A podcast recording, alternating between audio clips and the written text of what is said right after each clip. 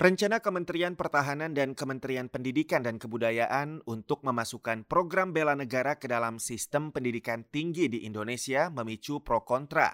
Pasalnya, program tersebut sekaligus berperan sebagai wadah perekrutan komponen cadangan, sumber daya nasional dari kalangan sipil yang dapat dikerahkan untuk memperkuat TNI. Direktur Riset Setara Institute Halili menilai rencana itu merupakan upaya pemerintah memiliterisasi kampus.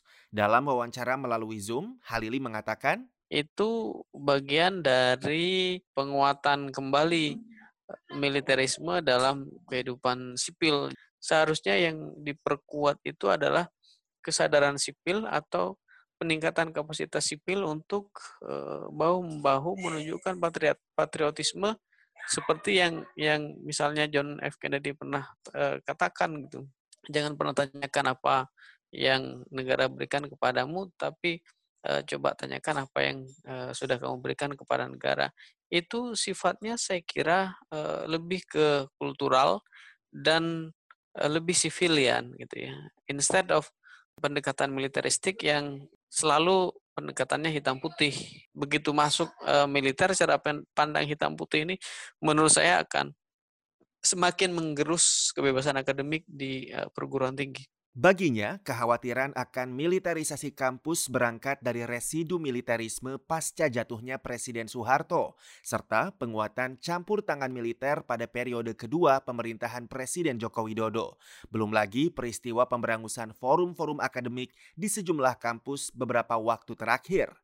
Akan tetapi, Direktur Jenderal Pendidikan Tinggi Kemendikbud Nizam meyakinkan bahwa program itu tak lain sebagai bentuk pemenuhan hak warga negara oleh pemerintah.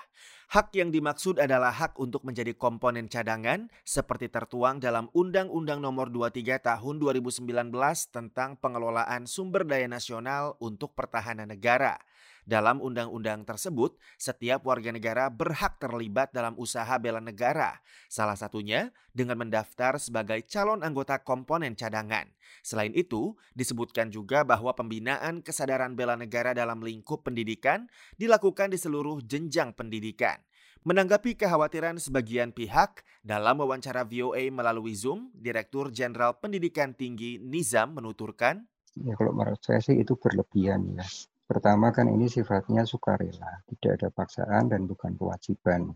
Ketahanan kita untuk cyber segala macam ini kan ya perlu masyarakat sipil, perlu para ahli IT, ahli artificial intelligence, ahli data dan sebagainya. Jadi harus bersama-sama. Kepedulian dan tanggung jawab kita bersama-sama.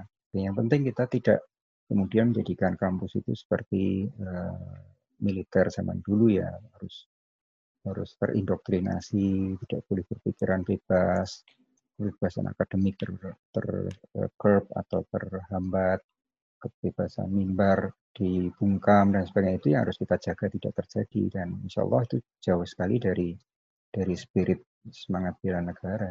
Ditanya pendapatnya terkait rencana program bela negara masuk kampus, konsultan pendidikan dan karir Inalim memandang hal itu sangat diperlukan generasi muda saat ini dalam konteks pendidikan karakter, bukan sebagai mesin pencetak tentara cadangan. Menurutnya, pendidikan ala militer diperlukan untuk menghasilkan lulusan yang tangguh dan memiliki kepekaan sosial yang tinggi. Alasannya, banyak pihak yang melupakan tanggung jawab terhadap masyarakat sekitar, namun kerap menuntut hak pribadi.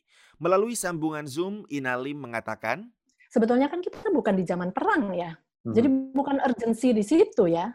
Tapi karakter ini urgent sekali, mau katanya mau untuk anak anak-anak sekarang inovasi. Justru nggak bisa berinovasi kalau tidak peka terhadap lingkungan sekitarnya. Karena inovasi hmm. berangkatnya dari problem. Makanya tujuannya jangan untuk mencetak uh, tentara cadangan ya. Tapi kalau tujuannya untuk pendidikan karakter lebih mementingkan kepentingan publik di atas kepentingan pribadi itu saya sangat setuju pendidikan karakter ala militer itu kita butuh banget. Hmm. Urgent. Sementara itu, meski setuju dengan rencana masuknya program bela negara ke dalam kurikulum perguruan tinggi, pengamat pendidikan dari Universitas Paramadina, Toto Sufianto, mengingatkan bahwa pelaksanaannya nanti harus diawasi ketat. Menurutnya, program tersebut rentan dimanfaatkan untuk kepentingan penguasa.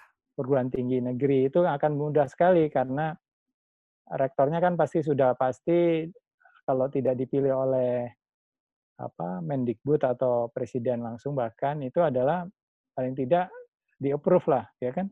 Hmm. sesuai dengan apa proses pemilihan rektor di perguruan tinggi negeri kan seperti itu. Baik perguruan tinggi negeri yang umum maupun yang uh, di bawah Kemenak gitu kan?